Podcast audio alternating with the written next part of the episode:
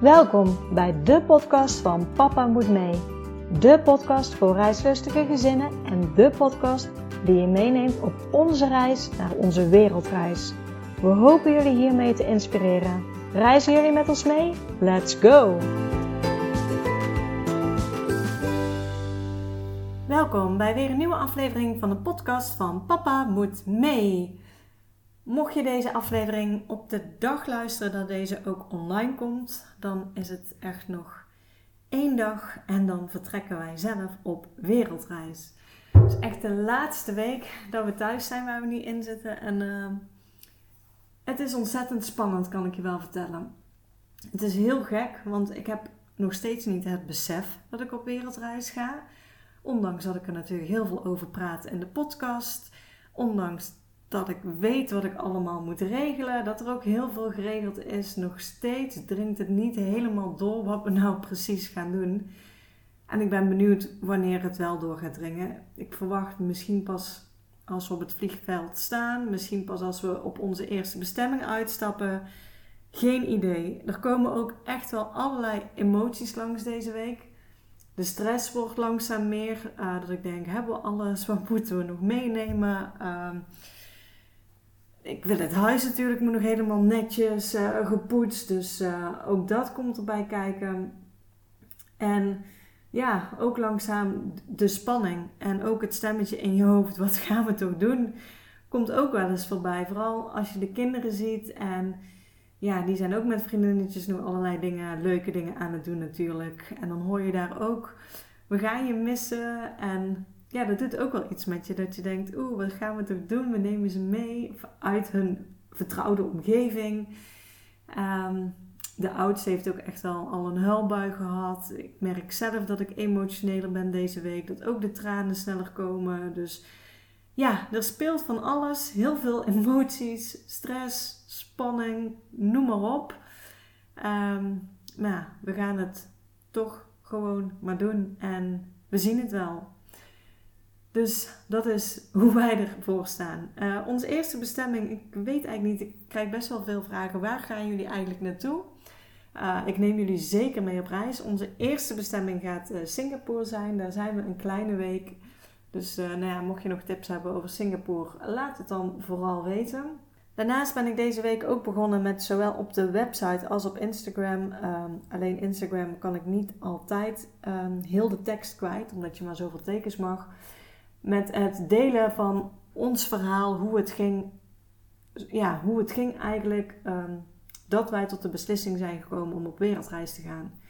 Want ook dat ging echt niet zonder slag of stoot. Er zijn heel veel discussies thuis geweest. Wij zaten er absoluut niet hetzelfde in.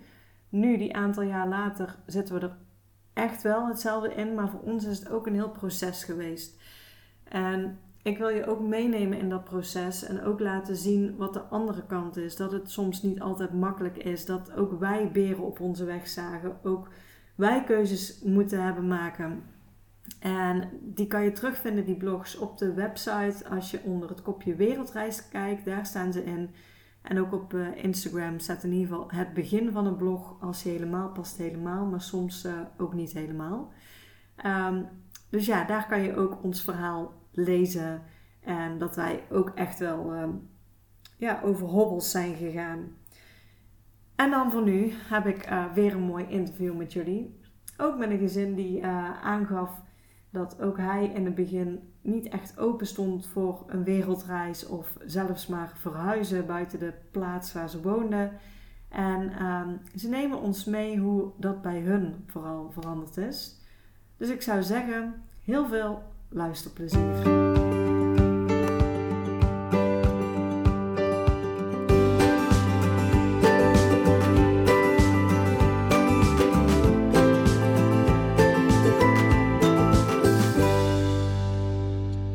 Hoi Johan en Manuelle, welkom bij de podcast van Papa Moet Mee. Hi, Hi. superleuk. Ja, altijd de eerste vraag. Zouden jullie jezelf kunnen voorstellen aan de luisteraar? Zeker. Ik ben Manuelle, ben 36 jaar. En nee, je mag het ook doen. Ik ben uh, Johan, 40. En samen hebben we drie kids. Dus, uh, de oudste is Dex, die is nu 11. Ping van 8 en Billy van 2. That's en we ja. zijn inmiddels 16 maanden op pad. Ja, oh wauw, 16 maanden al, ja. Ja, 16 maanden. Wauw, ja, Ja. klinkt, klinkt al als een hele Ja. lange tijd inderdaad. Ja, en, eh, zeker. En de luisteraar kan, kan jullie natuurlijk niet zien, maar eh, het is misschien wel leuk om te vermelden, want ik, ehm, we hebben dit interview eh, vanuit jullie camper op dit moment. Ja, Klopt. inderdaad, yes. En Vlakbij een benzinepomp, naast de snelweg, In de- ergens in Italië. In de hitte, oh, het is zo warm hier binnen. Camper life, hè? Yes, dus eh, het, interview is echt inderdaad vanuit het buitenland, vanuit Italië, naast de benzinepomp, zeg maar, eh, wordt dit opgenomen. Is misschien even, dan hebben mensen een beeld van eh, hoe dat het is. Ja. Maar voordat we bij die camper aankomen en jullie reis, ben ik altijd benieuwd naar het begin helemaal. Want van wie kwam het idee om op reis te gaan bij jullie? Ehm. Ik denk dat het bij mannen wel altijd wel erin gezeten. Ehm, ik was degene die het altijd een beetje tegenhield. Want ik hield van zekerheid en ik hield van. Ja, ik ga toch niet vertrekken uit mijn eigen stad. En eh, soms gebeuren er dingen in je leven waardoor je denkt: oké, als ik nu niet die stappen ga zetten, dan blijf ik hangen en dan gebeurt er nooit meer iets. Ja. En eh, dat is bij mij gebeurd. Om eigenlijk eerst dat we hadden, we woonden eigenlijk al, al 12 jaar in hetzelfde huis. In het huis waar we van tevoren zeiden, oké, dit is een vijfjarig plan en dan gaan we weer lekker verder. Maar na 12 jaar zaten we daar dus nog steeds. Dus we wilden ook super graag verhuizen. En nou, het was een super goede tijd in de, in de woningmarkt. Ja, dat we echt voor een heel goed bedrag ons huis konden verkopen. We zeiden ook tegen elkaar, tegen elkaar van ja, als we dat willen doen, dan moeten we dat nu gaan doen. Want nu kunnen we echt moeten nu plannen gaan maken, want, want anders gaat ja, de huisprijzen stegen zo enorm. Ja, we konden vet veel geld voor het huis krijgen. Dus was iets van, ja, we zijn gek als we het niet gaan doen. En toen dachten we, nou ja, weet je wat we ook kunnen doen? We kunnen ook gewoon voor een jaartje in het buitenland gaan solliciteren. Dat we gewoon lekker een jaar met de kids naar Zweden gaan of zo. Dat is iets wat al lang op de planning stond. Dat we dat graag wilden doen. Nou, toen was dat eigenlijk de eerste stap. En toen dachten we, nou... Ja, eh, ik, ik, ik ben toen gaan solliciteren in, in Scandinavië. Ehm, wat wat eh, een moeilijkere opdracht bleek te zijn dan eh, in mijn hoofd. Het was heel moeilijk binnenkomen bij, bij die bedrijven. ehm mede omdat je de taal niet goed spreekt. En ehm, dus, dus we waren, ik was al goede twee maanden bezig om daar te solliciteren. En ehm, ja, dat, dat werd hem gewoon niet. We voelden eigenlijk al wel van, dit gaat hem niet lukken in Zweden. het zakte een beetje Ja. in de schoenen, zeg maar. En toen hadden we eigenlijk al zoiets van, ja, gaan we dit dan wel gewoon doen? Zullen we dan gewoon dat Ja. huis verkopen en dan gewoon naar Zweden rijden of vliegen? En dan zien we het daar wel. Want Ja, we wisten al dat we wel. heel veel overwaarde op ons huis zouden krijgen. Want iets van, ja, weet je, dan hebben we altijd nog een budget om daar eerst rond te kijken en op ons gemakje voor werk te zoeken en dan zien we het wel. Dus dat was toen eigenlijk een beetje de planning wat we wilden doen. Ja. En eh, nou ja, alles op gang gezet. Dat vonden we echt de spannendste stap om te zeggen van ja, weet je, nou, gaan we maar kijken we ook- makelaar bellen en daar eens kijken of we ons huis kunnen verkopen. En nou ja, tot op de ene dag dat we de kids naar school hadden gebracht. En we dus eigenlijk die plannen al, al ja, zo goed er wel hadden van oké, we gaan het gewoon doen. En toen gingen we samen boodschappen doen. En nou ja, op dat moment dat we daar waren met z'n tweeën, we hadden alleen Billy bij ons. De jongens zaten op school, de oudste twee. En zakte er een man in elkaar daar bij de, bij de supermarkt. Die, nou ja, ik denk dat Johan dit verhaal beter kan vertellen. Maar eh, een beetje, een klein beetje anders. We liepen richting een winkel en ik zag dat er een man uit de auto getrokken werd. Ehm, ik heb mijn BHV-diploma heel lang geleden een keer gehaald met het werk. En ehm, ik ben gaan kijken of ik kon helpen. Ehm, daaruit is gekomen dat die man uiteindelijk 50 minuten hartreanimatie heeft gehad, hartmassage. Eh, door vier verschillende personen, waaronder ik dus. Ehm, en hij eh, letterlijk even gewoon weg was. Onder mijn handen. Tijdens, mijn, tijdens ja. mijn beurt.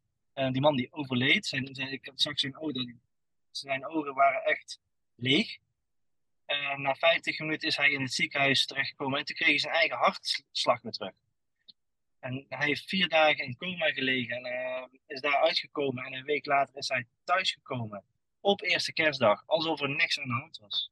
Geen letsel, niks aan de hand. Dus hij heeft een tweede kans gekregen op het leven. En eh, wij hebben tegen elkaar gezegd: oké, als we het nu niet gaan doen, dan gaan we het nooit meer doen. Ja, ik denk dat Dan moment hebben we alles in gang gezet. ik denk dat we op dat moment ook echt dachten, ja, it, weet je, we gaan all in. Waarom zullen we nu wachten met leven en plannen maken voor later en als we ouder zijn en dan misschien naar, naar, naar, naar Zweden kunnen of wat dan ook. Als we nu echt hebben gezien samen, je moet gewoon nu leven. Niet morgen, niet overmorgen, want je weet gewoon niet wanneer het voorbij is. En als je letterlijk, wat hij al zegt, als je de dood in de ogen kijkt, dan kus je het leven. En dat is echt zo.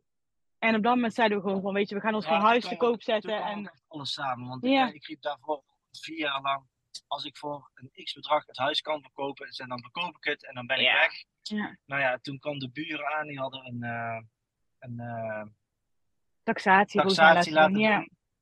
Huis. En eh, dat kwam op het bedrag uit wat ik altijd heb geroepen. ja, en dat is eigenlijk de volgende dag absurd. heb ik- De Ja. volgende dag hebben we de makelaar gebeld. En En die zei, ja, en die, alles is ja. gezet. We hebben meer dan het dubbele dan, dan dat bedrag ook nog eens teruggekregen. Dus we ja, hebben dus gewoon ons eigenlijk de prijs kunnen verdubbelen waar we het voor gekocht hebben. Dus we hadden ook echt vet, echt bizar veel overwaarde. Dat je eigenlijk denkt, jezus man, hoe kan je het zoveel voor elkaar krijgen? Maar we hebben gewoon perfecte momenten in de woningmarkt gehad om dat huis te verkopen. En nou ja, dat hadden we dus allemaal gedaan. Maar toen hadden we niks. We hadden gewoon een verkocht huis. Dus ja, dus ehm, nou ja, toen hadden we ook zoiets van, ja, gaan we dan naar Zweden, gaan we doen? Maar en toen zei van, nee, weet je, als we het gaan doen, we gaan leven. We gaan all in. We gaan, we gaan reizen, we gaan de wereld zien, we gaan de kinderen meenemen. Vooral de oudste van onze kinderen is al jarenlang eh, ongelukkig op school. En we hadden zoiets van, ja, we gaan ze er nu uithalen. Nu kunnen we dit doen. En nu gaan we gewoon de wereld zien. En vanaf daar zien we het wel. En nu, 16 maanden later, eh, zijn we dan ook aan het reizen. Ja. ja. Wauw, ja, een bizar verhaal, zeg maar. Ook, ook inderdaad met, met eigenlijk de drang om gewoon naar een ander land te emigreren. Maar alles wat samenkomt en gewoon ja, echt alles uit het leven willen halen om te zeggen, nee, we gaan gewoon. Want het begon eigenlijk met de verkoop van jullie huis, veel overwaarde. Maar op dat Ja. moment maak je een plan dat je zegt, nee, we gaan niet naar Zweden. We gaan gewoon eerst lekker de wereld over. Maar daar komen natuurlijk ook andere dingen bij kijken. Je stipte net al school aan. ja. Mhm. Hoe zijn jullie daarmee omgegaan? Nou, dat- Ehm, dat was ehm, een mooie uitdaging, laten we Ja. het zo zeggen. Nederland is, is wat dat betreft, zijn we een heel reislustig volkje als Nederlanders zijnde. Ehm, we komen overal, op elke plek hoor je altijd, oh, er zaten toch ook bij Nederlanders, had je nooit verwacht daar. We zijn overal te vinden, ja. maar qua regelgeving en eh, de wetten die vastgelegd zijn, eh, lijkt het al of, of Nederland eh, vast ligt in, in een soort van regeldolhof, waar je eigenlijk niet helemaal uitkomt dan alleen maar de kinderen uitschrijven om ze van school te kunnen houden. En, en dit soort ja, eigenlijk prachtige reizen te kunnen maken met, met de kinderen. Nou, het kan wel. Je kunt dus daadwerkelijk reizen met de kinderen. Maar alleen als je als Nederlander weet dat je dus terugkomt. En binnen een bepaalde tijd ook weer terug bent, zeg maar. En als je daar, als je volgens mij binnen de acht maanden zit, is het allemaal doable. Heb je kans dat de leerplichtambtenaar dat oké gaat vinden. Dat je school daaraan meewerkt. En dat de Nederlandse staat ook zegt, oké, dus prima, hou je verzekeringen maar en alles. Maar als jij gewoon op dat moment zegt, jongens, ik ga en we weten het niet. Ja, dan, dan zijn er allemaal alarmbellen af. En ehm, nou, wat je dus moet doen, en dat is misschien de grootste fout die wij hebben gemaakt, is, eh, nou ja, we hebben dus de keuze gemaakt om ons helemaal uit te schrijven. Vooral ook omdat het, er was geen mogelijkheid voor ons met een leerplichtambtenaar of school om, ehm, ja, om dat anders te doen dan op deze manier. En je schrijft je dan uit, maar je moet dus bij de gemeente aangeven waar je dan naartoe gaat. Maar wij wisten het niet, omdat we dus gaan reizen. Dus we hadden allemaal al gelezen van, nou, je moet gewoon dus ingeven het land waar je naartoe gaat. Geen adres, gewoon het land. Dat is vaak al prima genoeg voor een belastingdienst om te weten. Maar ons eerste land was Panama. Daar vlogen we op. Wisten wij veel dat Panama schijnbaar voor de belasting een heel slecht land is om door te geven. Omdat er schijnbaar één grote witwasserij is daar. Dus sindsdien dat wij Panama hebben doorgegeven, gaan er altijd alarmbellen af bij belastingdienst en dingen. Vooral omdat ze natuurlijk heel veel overwaarde hadden. Dus ja, de enige tip die wij mee kunnen geven, dat als je ooit uitschrijft, neem niet Panama als eerste land. Dat is niet handig. ja, ja. Nee, maar het is wel, en het is super jammer, want we hebben toevallig vandaag eh Australiërs ontmoet tijdens het reizen, ook met een gezin met dezelfde leeftijd en kinderen. En daar is het bijvoorbeeld zo dat je dus ehm, dat het oké is om je kinderen homeschooling te geven, maar dat het zelfs zo is dat je daar een bepaald bedrag voor betaalt en je aan een bepaald curriculum moet voldoen. Dus je moet inloggen, je moet ook lessen volgen en ehm, nou, wij hebben er dus voor gekozen om ons uit te schrijven. En als je geluk hebt met een school die daar waar we mee wil werken, dan heb je nog wel kans dat ze je wat van onderwijs voorzien. Maar onze school had het helaas niet. Op een paar werkboekjes die we mee naar huis konden nemen. Maar dat betekent dus dat je als ouder zijn er echt helemaal alleen voor staat. Je hebt niks geen waar je op kan terugvellen. Je hebt niks vanuit de Nederlandse staat die jou op een bepaald vlak onderwijs wil aanbieden of voldoen of iets. Waardoor je je kinderen op een bepaald niveau kunt houden. En dat voelt soms best wel het begin alleen. Want je moet echt alles zelf gaan uitzoeken. Er is niets in Nederland die jou zegt, goh, als je gaat, kijk eens hier, ga eens dat doen. Want elk kind heeft recht op onderwijs. Elk kind heeft recht op onderwijs. En ik vind ook echt dat ze dat moeten krijgen. Maar nu moet je het als ouder zijn helemaal zelf gaan faciliteren. En ja, dan is het maar gewoon de hoop en de vraag dat je het goed genoeg doet. Ja, en wat goed genoeg, dat is natuurlijk de vraag. Maar hè, ja. ja. Ja, ik denk dat dat typisch Nederland is. Bij Nederland is het alles of niets. Dus je gaat of naar school en als je homeschooling geeft, dan is er geen enkel toezicht meer op. Terwijl in andere landen worden er toetsen afgenomen of inderdaad heb je een curriculum. Dus er zit veel meer ehm, controle nog op. Ja, zeker. Ja. zeker. Dat is ook het jammer aan. aan dan, dan ben je je verhaal aan het vertellen en dan zeg je dat je eruit. Ja, jullie hebben er zelf voor gekozen om je uit te schrijven. Ja, dat klopt. Maar wij zijn nog steeds Nederlander en ehm, ik denk dat Nederland voor ons ook als reizend gezin uh, wij zijn echt, echt niet de enige die hier nee. tegenaan lopen. Dus... En ik denk dat er steeds meer komen die dit ook willen kunnen en doen. En ook het onderwijs verandert en ook de visie op het onderwijs verandert. En nou ja, laten we zo zeggen, de staat is daar nog niet helemaal klaar voor. Dus je loopt er al echt in het begin echt wel tegen aardig wat dingetjes aan, zeg maar. Ja, uh, op het gebied van onderwijs, maar ook op het gebied van je verzekeringen, van het uitschrijven, van... Uh, je, voelt je, je, voelt je een beetje, en, en, en dan even het Panama-verhaal uh, daar gelaten. Um, alsof je een crimineel bent. Want je hebt ja. nergens geen recht meer op, je mag wel, niks ja. meer. Um, ze willen je niet meer helpen omdat je uitgeschreven bent. Wij doen niks, wij willen alleen de wereld laten zien aan, aan de kinderen en aan ons. En uh, wat voor mooie plek het eigenlijk is. Ja. En wij komen best wel veel gelijkgestemden tegen, ook in het begin heel erg. Zeker met de camperreizen toen. Um, die er eigenlijk allemaal een beetje hetzelfde in staan.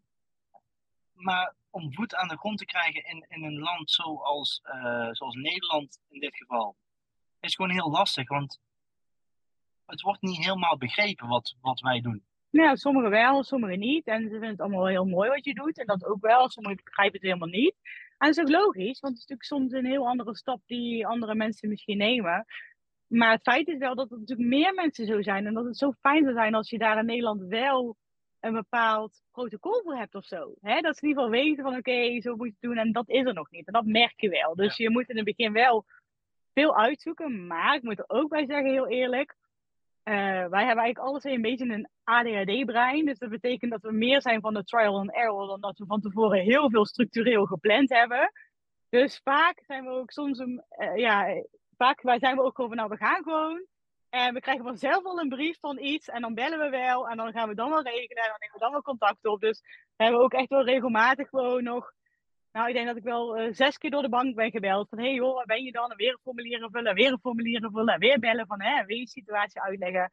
Maar ik denk wel dat dat het allerbeste werkt. Het beste werkt gewoon de instanties achterna bellen. Gewoon je verhaal vertellen. Gewoon uitleggen. Er is altijd iemand op een afdeling ergens die wel weet wat je daarmee kunt doen. Of wat, welk formulier je dan nodig hebt. Of uh, ja, in ieder geval, zo werkt het voor ons.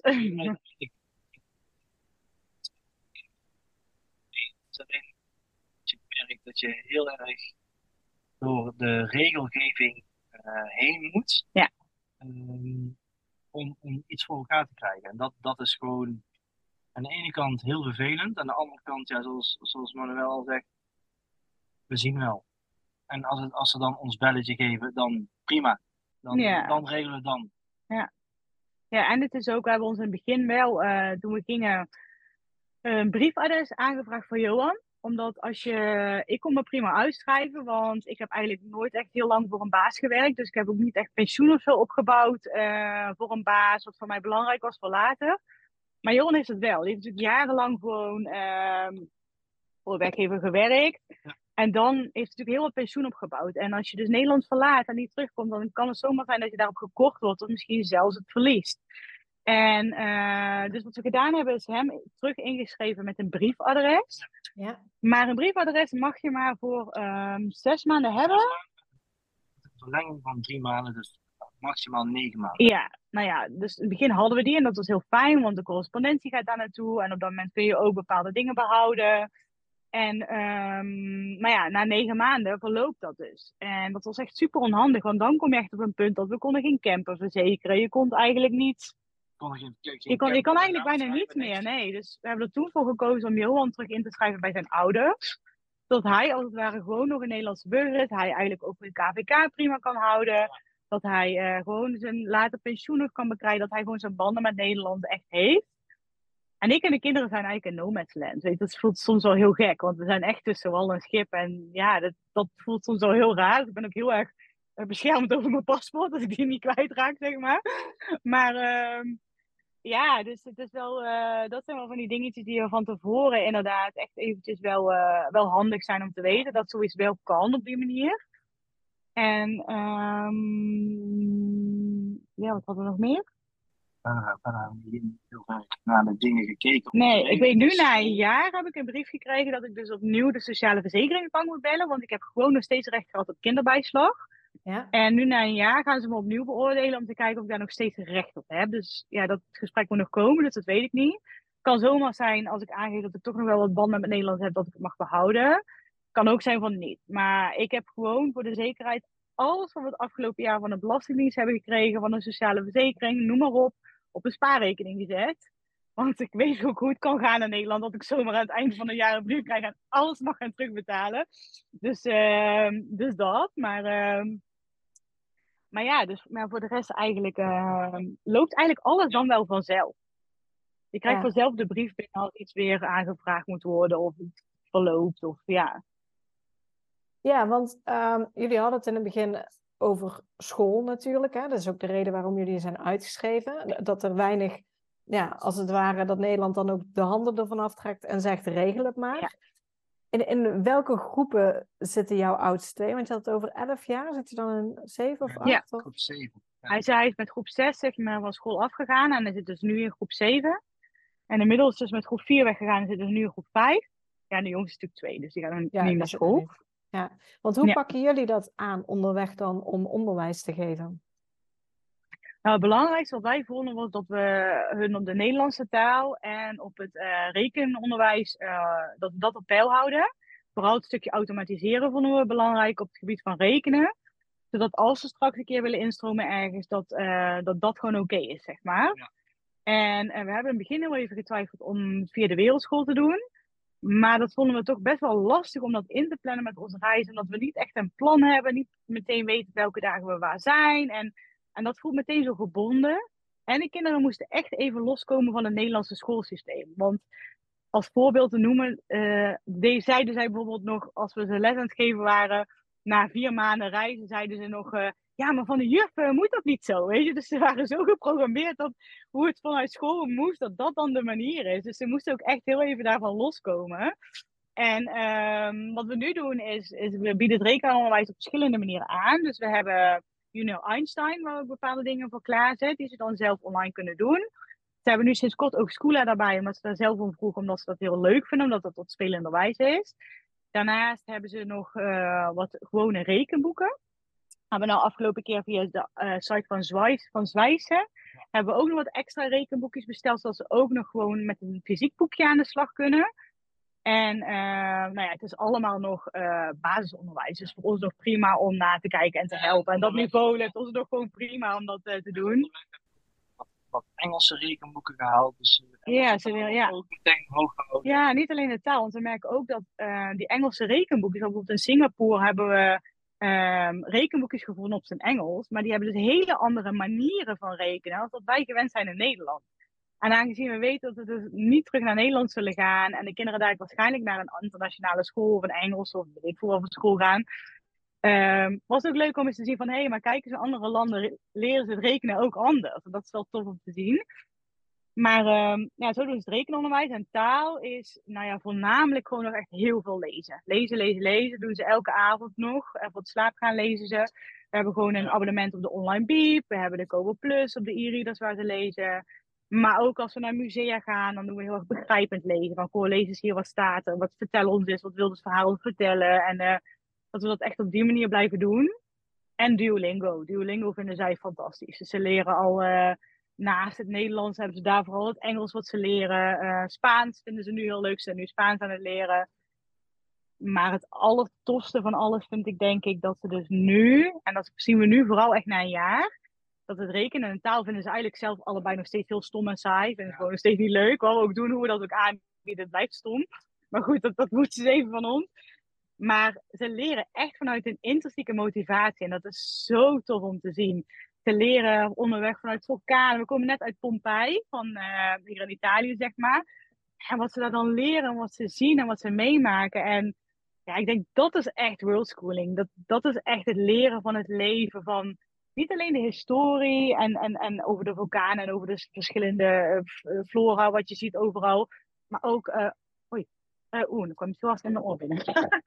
um, maar ook heel erg over andere culturen, hoe mensen met elkaar omgaan, eten in andere landen. We zijn natuurlijk van, van Latijns-Amerika naar Azië gegaan, door Europa gereisd. Ze hebben gezien hoe de, de, wereld, zeg maar, hoe de, de klimaatverandering letterlijk zeg maar, zijn werk heeft gedaan in alle landen al. Wat er, wat, wat er gebeurt, hoe de aarde aan het veranderen is. En nou ja, allemaal dingen die je echt gewoon niet ziet in een, in een werkboek.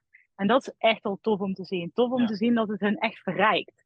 Dat het hun echt wel uh, tot heel andere personen aan het vormen is. Dat is echt wel uh, helemaal hun eigen kracht leren vanuit hun eigen interesses. Wat ze leuk vinden, wat ze interessant vinden. En we hebben een keer in, in, uh, in Spanje hebben we een soort Colosseum bezocht, zeg maar, Ita Italië. Ital Italica, ja. en uh, daar werd heel veel over uh, Julius Caesar verteld. En vervolgens kwam ik terug en ik wilde hun werkjes klaarzetten, Junior Einstein voor de week. En toen zag ik dus dat zij opdracht hadden gemaakt over Julius Caesar, die ik helemaal niet had klaargezet. En dan denk ik, ja, dit is tof. Want nu weet ik dat ze dit echt leren. Niet omdat ik wil dat ze het leren, maar omdat ze het zelf super interessant vinden om te leren. En dat vind ik wel heel gaaf aan, aan je eigen onderwijs kunnen, kunnen vormen, zeg maar. Helemaal op de manier wat echt bij hun past. En wat ze leuk vinden. En op ja. de manier zoals ze het leuk vinden. Ja, we hebben zeg maar heel veel schoolreisjes. Ja, dat ook. Heel veel schoolreisjes, ja. ja. Steeds, maar als het aansluit bij wat ze hebben gezien, dan nemen ze het vaak veel beter op. En inderdaad, ja, als ze ja. het interessant vinden, gaat het gewoon veel sneller. Als dat jij zegt, je moet nu deze sommen maken. Want, want hebben jullie daar wel nog een, een, een soort um, ritme in gevonden? Of laten jullie dat meer los? Dat je zegt van nou die rekenopdrachten en zo laten we meer los. Het is niet dat ze dat iedere dag moeten doen of zoveel uur in de week. Of hoe, doe, hoe gaan jullie daarmee om? Maar ze mogen het in principe zelf indelen. Um, Share-tijd is namelijk ook wel een dingetje. Ja. Um, de, de iPads en de, en de switches. Dus uh, ze mogen dat doen. Maar dan moeten ze ook dezelfde tijd besteden aan school. Ja, en het is wel vooral, wij willen het liefst dat ze het elke dag doen, maar in de praktijk met reizen is dat vaak ook gewoon onmogelijk. En heel vaak ook dat we zeggen, als we bijvoorbeeld een lange reisdag hebben, vooral met de camper, dan zeggen we soms, wij rijden max drie uur op een dag. En dan beginnen we eigenlijk altijd met jongens, eerst huiswerk en daarna mag je lekker kleuren tekenen, uh, wat scherm doen. Maar ook heel vaak is, dan zitten ze achterin en dan zeggen ze, mam, ik snap het niet, ik snap het niet. En dan moet ik naar achter en dan willen ze eigenlijk ook de hulp. Maar dat werkt eigenlijk niet onderweg helemaal. Dus soms ook echt een beetje puzzelen van, ja, wanneer het is, ja, er zit niet echt een vast ritme in. Vaak komen de momenten wanneer we daar het comfortabelst zitten met z'n allen. En ja. dat we gewoon zeggen van, hé, hey, joh, we gaan nu even lekker met z'n allen rekenen. Of uh, ja. Ja, nee, niet een heel vast ritme. Ja. Proberen we, maar dat werkt in de praktijk niet altijd zo.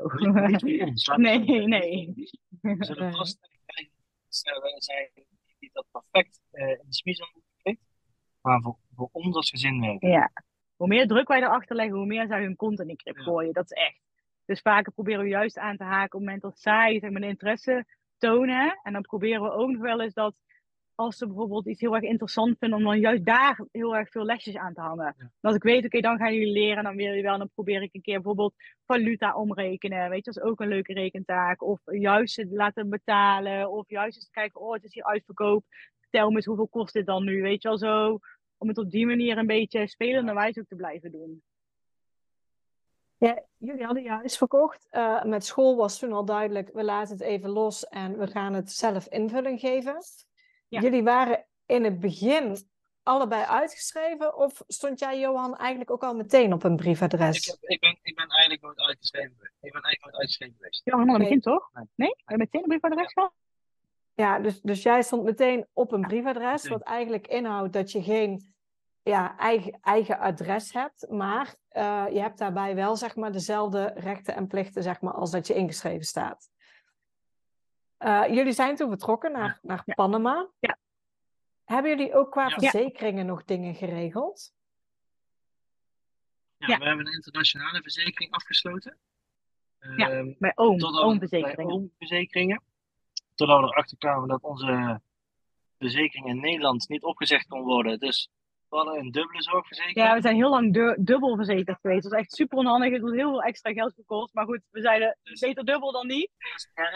Maar je hebt dus nog recht op je eigen zorgverzekering. Je hebt volgens mij tot aan acht maanden nog gewoon de recht op je zorgverzekering. Dus eh, in principe hoef je die niet meteen op te zeggen. Maar wij hadden zoiets van, ja, laten we maar gewoon meteen overstappen naar een internationale. Dan weten we ook zeker dat als er iets gebeurt onderweg, heb je ook nog wel eens kans dat je Nederlandse verzekering misschien zegt van, joh, maar dat dekken we niet. Weet je, wel, want dat valt misschien niet onder ja, hun kleine lettertjes. En bij een internationale weet je gewoon dat zij daarop ja, op gericht zijn, zeg maar. meteen de reisverzekering gezet en uh, ik heb een hulppakketje voor gemaakt. Ja. En, heel de familie. Dus ja, die zijn er nou. Die loopt volgende week ergens af. Ja. En dan kunnen we een nieuwe aanvraag indienen bij uh, OOM. Uh, voor nog een jaar. Ja. En na dat tweede jaar, dan is het ook echt klaar. En dan moet je daar eventueel of ja, ergens, Een andere maatschappij, een andere internationale. Ja. ergens gaan zetten. Maar, ja. En het is alleen wel zo dat je, misschien ook fijn voor mensen om te weten, dat als je ervoor kiest om een internationale zorgverzekering te hebben, zoals de OOM, dan werkt het natuurlijk niet net als een Nederlandse verzekering, dat als er iets gebeurt, dat je daar meteen voor gedekt bent. Bij elke zorgkosten die je bijvoorbeeld maakt, zul je eerst zelf moeten betalen. En dan, dat kun je dan indienen, declareren. En dan heb je natuurlijk kans dat je dat terugkrijgt. Plus gewoon je eigen risico natuurlijk, wat ongeveer hetzelfde is. Maar uh, dat betekent wel dat wij er dus heel bewust voor kozen. Dat toen we gingen reizen, dat we echt wel een flink reservepotje hadden. Een speciaal geldpotje hadden, wat puur was voor calamiteit. En dat Ja. is ook het calamiteitenpotje. Dat mocht je onverwachts in het ziekenhuis terechtkomen, of mocht er een ongeluk gebeuren, of wat je ook maar kunt bedenken, dat je altijd weet dat je die kosten eerst zelf kunt dekken. Je kunt niet meteen terugvallen op zo'n zorgverzekering. Je zult ze eerst zelf moeten betalen en daarna indienen als declaratie. Dus dat is wel belangrijk uh, om te weten, dat je als je zo gaat reizen, dat je wel zo'n potje hebt. Vooral met kinderen vinden wij dan. Dat het belangrijk is dat je altijd, ja, dat je altijd daar uh, de mogelijkheid toe hebt tot, tot, tot zorg en wat dan ook. Ja. ja. Ja, goede toevoeging. Ja, jullie gingen naar Panama. Dat was het eerste land wat jullie opgaven. Uh, jullie zeiden al, we gingen de wereld ontdekken. Het lag een beetje open. Ja. Wat hadden jullie geregeld? Want jullie wisten dat jullie begonnen in Panama. Ja. Het eerste hotel. Eerste hotel, ja. De eerste drie dagen, die waren zeker. Die hadden we, ja. ja. Maar we hebben dus niets vastgelegd. Ja, die eerste drie dagen hebben we gedaan.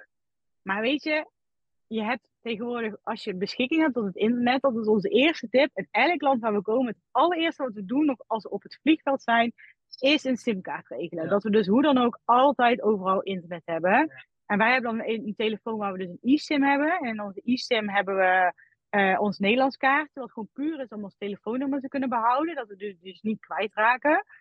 En dan altijd een fysiek kaartje kopen, altijd op het vliegveld als we ergens zijn, om gewoon meteen toegang tot het internet te hebben. Ja, en weet je, tegenwoordig, je hebt alles. Je hebt gewoon een booking.com. We hadden wel eens momenten als we gewoon daar aankwamen, wij huurden meteen een auto dan, uh, of we bestelden een Uber of een Grab, weet je, alles is daar wel uh, te krijgen. Dat we wel eens momenten hadden dat we in de auto zaten, bijvoorbeeld in Costa Rica toen we daar aan het reizen waren, hadden wij onze eigen huurauto bij. Dat we als in de auto zo aan het boeken waren van ja, we gaan we slapen. Dat ik zei, oh, dit is een leuk hotel. Toen kwamen we aan in het hotel. Mevrouw, wanneer heeft u geboekt? Uh, vier minuten geleden. dat is wel heel erg last minute. Maar ja, dat is denk ik ook wel ons, maar dat is ook wel weer het avontuur. En je merkt ook wel echt, overal kun je slapen. Overal is er eten, overal is er drinken. Weet je, zolang je maar gewoon je internet hebt en weet waar je naartoe kunt rijden, dan kom je er wel. Dat is echt zo. Ja, ook zonder internet. Ook wel, zeker. Vooral, weet je, je hebt genoeg mensen waar je dingen aan kunt vragen of aan kunt doen. En natuurlijk wil je wel een beetje wat geregeld hebben waar je de avond slaapt met je kinderen. Vooral als je drie kinderen hebt, is het heel fijn om te weten waar je slaapt. Maar ehm, ja, het is allemaal zo makkelijk geregeld. Ik denk vooral dat juist je gewend bent in Nederland om heel erg veel van tevoren geregeld te hebben. Maar in die landen, vooral als je naar Latijns-Amerika gaat, is iedereen heel leed. Dat is allemaal een beetje van, ja joh, komt wel. Dat er iemand die jouw slaapplek heeft. Of ja, is altijd wel iets te vinden, ja. Ja, dus we hadden eigenlijk alleen een vliegticket. Een hotelovernachting voor de eerste paar dagen. En hadden we ook al de auto gehuurd? Nee, hè? In Costa Rica hebben we pas een auto gehad. Dus daar hadden we eigenlijk alles gewoon gedaan. Met de Uber. Ja, met de Uber zijn we er overal naartoe gereden. Kostte ook geen drol. Dus uh, ja. Ja, want jullie zijn inmiddels 16 maanden onderweg. Begonnen dus in Panama, daarna Costa Rica. Hoe zag jullie reis er verder uit? We zijn daarna naar Mexico gereden, gevlogen. Ja. En we hebben daar uh, uh, de oostkant van Mexico gedaan, volgens mij. Met Playa de, ja, Yucatan. Yucatan hebben we gedaan, ja. Toen kwam die tweesprong. Toen wisten we even niet. Wij wilden eigenlijk nog wel misschien door in Latijns-Amerika, naar Colombia of Venezuela. Of, uh, of naar Amerika, maar dat vond onze zorgverzekering niet top. Daar moesten we heel veel geld voorbij betalen. Ja. Dus hadden ze nou, laten we dat maar niet doen. Ja, toen hebben we gekozen voor Curaçao. Dus Ja. we zijn uh, Curaçao gevlogen. Maar dat was eigenlijk meer een stop ook voor de kinderen. Die hadden het wel, het was natuurlijk voor hun ook zo'n enorme shock. In één keer uit school gehaald, uit je vertrouwde omgeving. Je bent in één keer aan de andere kant van de wereld. Je hebt best wel een hoog reistempo.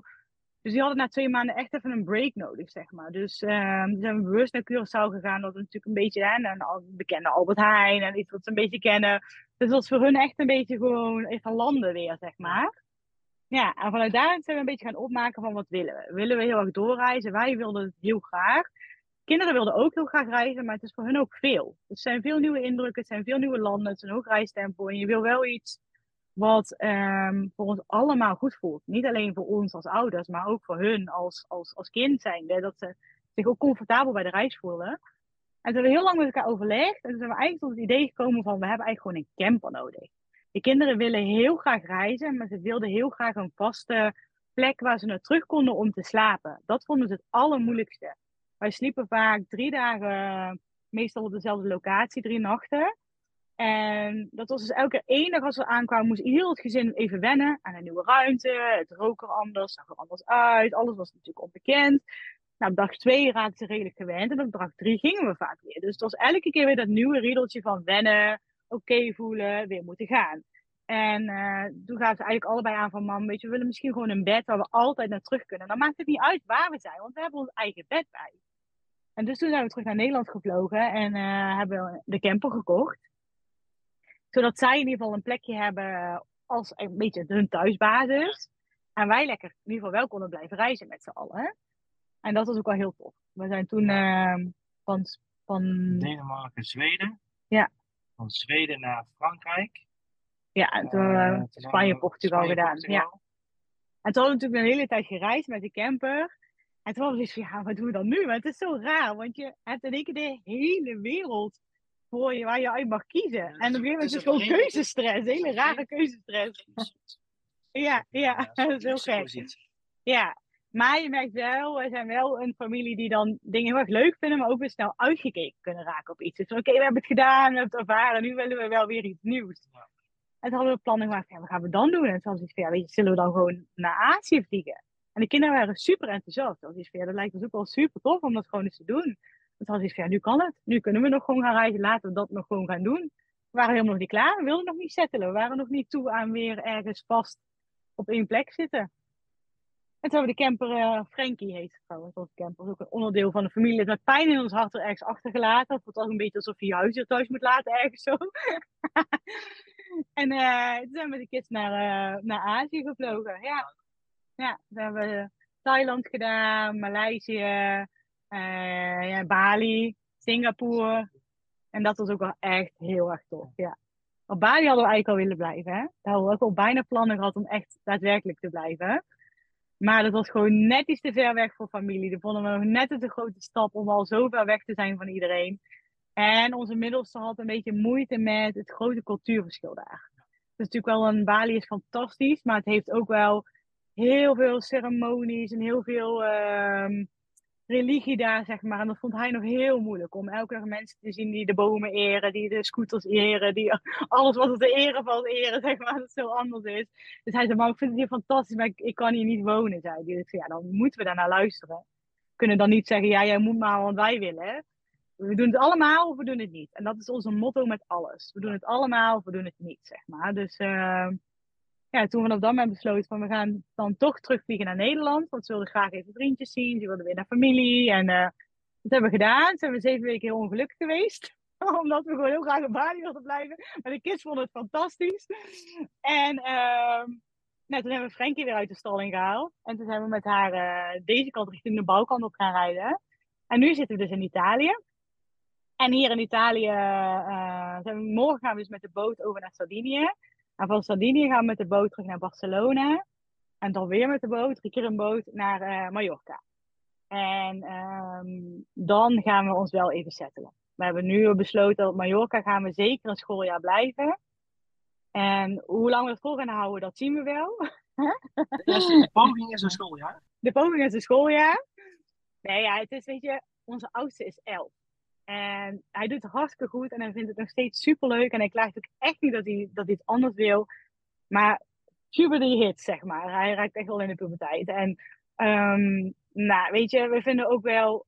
We, ze hoeven echt niet eens naar school, omdat we vinden dat, dat ze een school nodig hebben. Want qua educatie gaat het echt prima. Dat is het minst belangrijk waarom ze voor ons naar school moeten. Maar als je elf bent, dan wil je wel je kunnen identificeren aan leeftijdsgenoten. Dus je moet ook wel vriendjes om je gaan krijgen, een groep hebben. Kijk, wie ben ik in de wereld? Dan heeft hij natuurlijk nu alleen zijn ouders en zijn broertje. Ja, en ja, we vinden dat ook wel belangrijk. Dat hij ook wel gewoon echt in ieder geval een clubje om zich heen krijgt waar hij zich aan kan gaan identificeren. Dus uh, vandaar dat we zeiden, het is mooi geweest. We gaan nu lekker een plekje zoeken. Heel eventjes. Ja, zodat we ook weer wat kunnen gaan werken. Want ja, na 16 maanden reizen gaat het reisbudget ook wel heel hard omlaag. En uh, het is ook gewoon hartstikke fijn als we dat lekker samen gewoon weer kunnen blijven aanvullen. En lekker online kunnen blijven werken. En dat gaat nu wel, zo met het reizen. Maar dat is wel pittig met drie kinderen en reizen en werken. En, en was en koken en noem alles maar op. dus dat is wel lekker als ze weer even een paar uurtjes op school zitten. En we ook weer samen en, en überhaupt samen tijd voor elkaar hebben weer. Ik bedoel, hoe lang geleden dat we samen uit eten zijn geweest? Ik kan me niet meer herinneren. Dat is echt Toch? Hè? Laatste keer denk ik Oh ja, dus dat is ook wel heel belangrijk hoor. Want het is fantastisch om 24-7 samen te zijn. Ook wel even lekker als we, even, als we er even niet zijn, zeg maar. Hè? Ja. ja, dus ja, dus dat. Ja, al een fantastische reis gemaakt. En er komen natuurlijk nog heel veel mooie dingen ook op jullie pad, hoor ik al. Zeker. Um, ja. Zeker. Je stipte net al een beetje aan reisbudget. Jullie hebben natuurlijk je huis met een hele grote overwaarde kunnen verkopen, waardoor je een buffer had. Ja. Maar ik hoorde jullie net ook al online werken aangeven. Yes, yes. Ja, Hoe zit Ja, het dat zijn we nu al heel erg aan werk, qua dingen, qua geld? Zeven passieve inkomstenstromen willen opzetten. Daar ga ik achterkomen wat, waar ik mijn geld in ieder geval mee wil gaan verdienen als, als hoofd. En eh, we komen, ik, kom daar, ik ben daar iemand tegengekomen die, eh, die zich heel erg eh, bezig hield met traden. Dus ik ben me daar heel erg op aan het inlezen nu en dan ben ik ook aan het leren. En, eh, ik kan hem vragen stellen, dus daar ben ik nu mee bezig. Ehm, en daarnaast gaan we gewoon proberen om nog eens zes andere inkomstenstromen te gaan opzetten eh, via het online eh, wereldje. Ja, misschien een stukje kunnen gaan beleggen uiteindelijk. eh, dat het geld in ieder geval voor ons kan gaan blijven werken. Dat hij lekker online zijn ding kan blijven doen. En daarnaast hebben we natuurlijk ook de, de site van Rules on the Road. En we zijn nu hard aan het werken om de site en de blogs ook online te krijgen. Dat we daar in ieder geval ook gewoon een fijn passief inkomen uit kunnen hebben. Ehm, ja, dat is natuurlijk ook wel een... Affiliate marketing is wel een lastiger stukje om daar een, een, een, een, goede inkomstenstroom in te krijgen. Maar in ieder geval een fijne bijdrage voor de bij. En ehm, daarnaast ehm, nou, ja, vind ik dat ik misschien mezelf inmiddels wel officieel zo mag noemen als kinderboeken schrijven. Maar ik ben nu al bijna, nou ja, ruim meer dan een jaar echt uh, volle bak aan het schrijven. En uh, het boek is nu af, dus uh, ik ben nu het laatste stukje aan het herschrijven. En dan uh, gaat hij echt officieel naar de uitgever. Dus dat is wel echt super tof. Dat ik hopelijk echt dat alles goed gaat. Einde dit jaar, misschien begin volgend jaar, uh, mijn, mijn boek er ook echt is. Maar ehm, dat is gewoon voornamelijk ook mijn legacy. Ik vind het gewoon hartstikke leuk. Hartstikke leuk om te doen. Lekker mijn creativiteit in kwijt kunnen. En, uh, ja. ja. het gaat er eigenlijk een beetje om, wat, wil, wat wil je van jezelf achterlaten op deze wereld? Te kunnen laten zien van kijk, die mensen hebben geleefd. En uh, daar zijn wij vooral wel mee bezig. En ik hoop dat bij de kinderen het zaadje hebben geplant. Uh, om ook gewoon lekker te blijven reizen en eigen leven te leiden. Zonder dat iemand invloed heeft op hun leven. En dat is toch wel geen impact die, willen wij, die wij willen maken. Ook met onze reizen. Dus ja, en ook dat wij de kinderen kunnen leren dat je dus niet altijd per se. Dat je eigenlijk je kunt worden wat je wil later. En onze middelste vroeg wel eens van: Oh, mam, kan ik dan en dit en dat? En hij wilde, weet ik veel, een, een mixer zijn. En hij wilde een dierentemmer worden. En hij wilde alles. Kan dat allemaal? En dan zegt: Ja, kind, dat kan ben gewoon lekker alles. Wij gaan ook nu voor zeven passieve inkomstenstromen dingen doen die we leuk vinden. We vinden het heerlijk om online te werken, om onze laptop mee te nemen, ergens een cafeetje te gaan zitten met een goed kopje koffie en lekker daar te connecten, socializen, uh, kijken waar leuke en uitdagende uh, projecten zitten, waar we geld in kunnen investeren, wat we leuk vinden en uh, zo het geld voor ons laten werken en ons blijven ontwikkelen in wie we zijn, in onze mindset, in onze financiële denkwijze, in dat je elke dag kunnen groeien, groeien en bloeien en ook met trial and error. En dat zal ook betekenen dat we soms de verkeerde keuzes maken of de andere kant op gaan. Maar dat zijn ook super belangrijke lessen voor ons en de kinderen. Ja. Doe wat je leuk Doe vindt. wat je leuk vindt. Ja. En dan komt het geld ook wel. En dat merken we ook. Ja. Ga je passie volgen. En als je, en als je niet. Um, als je dat niet wil, is dat ook goed. Als jij het fijn vindt om van 9 tot 5 op een kantoorbaan te werken, prima. Ons past het niet meer. Dus ja, wat dat betreft, ja, wij willen inspireren en, en eventueel motiveren. En, en, mensen kunnen ons altijd uh, contacten, wat, ze, wat, met vragen. En um, ja. wij zijn ook zoekend. En wij zullen altijd zoekend blijven. En, um... Geld maken kan overal. Tegenwoordig heb je het internet. En op het internet, als je iemand een skill. Je hoeft jezelf alleen maar skills, bepaalde skills aan te leren. En als dat je lukt, dan kun je of online die geld heel makkelijk te verdienen. Maar wij zeggen ook tegen elkaar, wij zijn ook niet beroerd om als we het even niet hebben of het moeilijk zou worden straks, of als we ergens zitten om te zeggen, we gaan even in een cafeetje werken of iets doen, of overal valt geld te verdienen. Je moet het alleen wel even doen. Dat is, dat is het belangrijk. Dat is het. Je moet het wel even doen. Daar zit Ja. de crux. In het begin, Johan, hoorde ik jou eigenlijk zeggen van... Manuela die, die wilde wel eh, op reis en zo, maar ik hield het altijd tegen. Ik wou mijn zekerheid hebben. En als ik jou nu hoor Ja. praten, denk ik, ik hoor hier een heel ander persoon praten volgens mij. Er is veel veranderd. Ja, dat is echt- Dus, er is veel veranderd. Ja, ja, ik was ook altijd degene die zei, ik ga echt nooit uit, wij komen dan uit Eindhoven. Ik zeg, ik vertrek nooit uit Eindhoven. Ik zeg, daar, daar ga ik, daar, blij, daar blijven wonen. En ik wilde zelfs niet naar, naar een huis kijken buiten Eindhoven.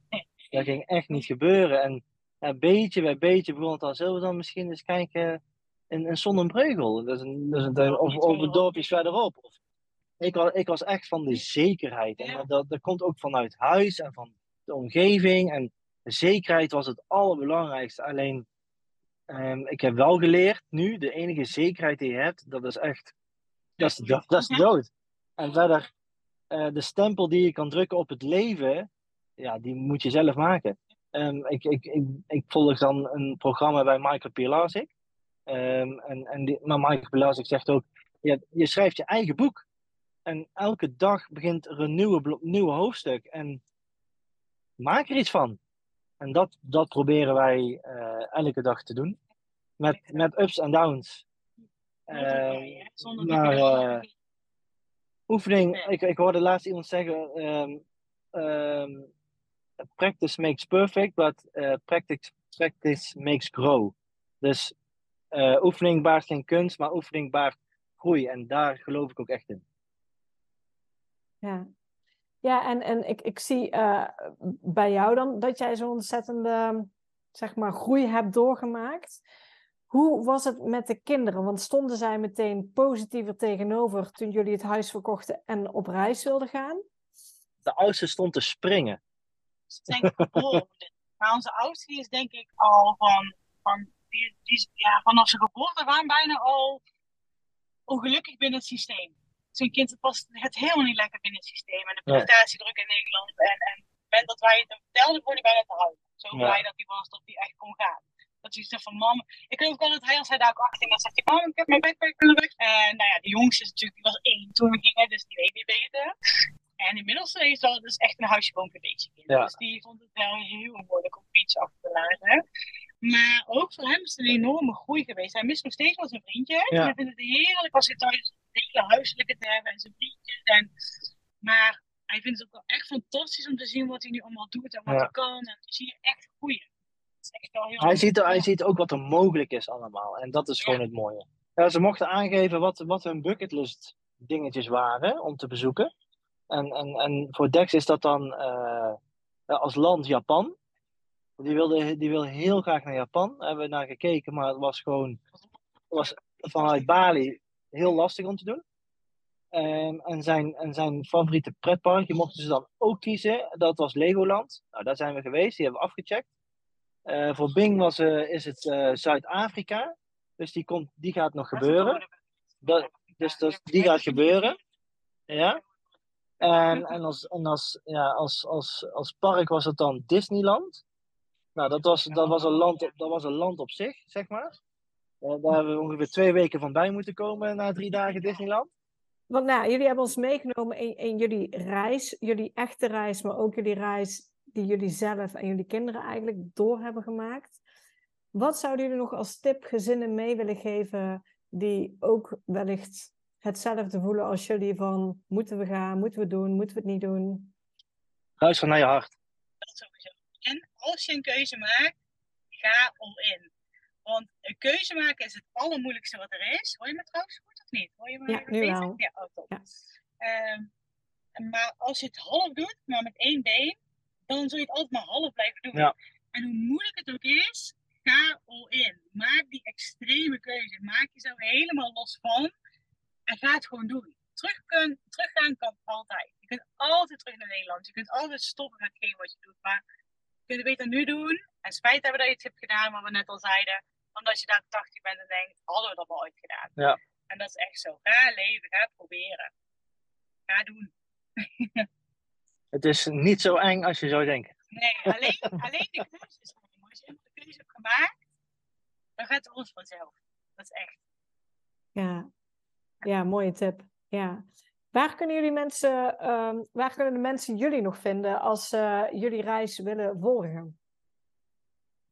Ja, op uh, Wheels on the Road. Op Instagram natuurlijk. Daar zijn we heel erg actief. En we hebben ook een website, wheelsontheroad.nl. En daarin uh, schrijven we ook blogs van alles wat we hebben meegemaakt. En voornamelijk ook echt uh, met alle kindsvriendelijke vriendelijke plekken. Wat voor kids heel erg fijn is, voor families heel fijn. En uh, ja, op Instagram delen we voornamelijk ook heel veel stories. Hè? Dus ja. actief. We delen bijna eigenlijk elke dag wel. Zover het lukt, proberen we alles ja. te delen. Dus uh, de bad and the ugly en de good, nee, de good and the ugly. Ja. Ja. ja. Super. Dan wil ik jullie uh, ontzettend bedanken voor jullie tijd, tijdens jullie reis zelfs. Ja, die jullie hebben gemaakt voor het interview. Ja, Graag zeker. gedaan. Dankjewel.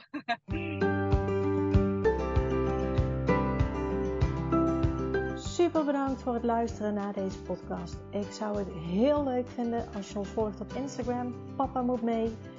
Deel deze vooral in je stories als je hebt geluisterd en tag ons en laat ons weten wat je ervan vond. Tot de volgende keer.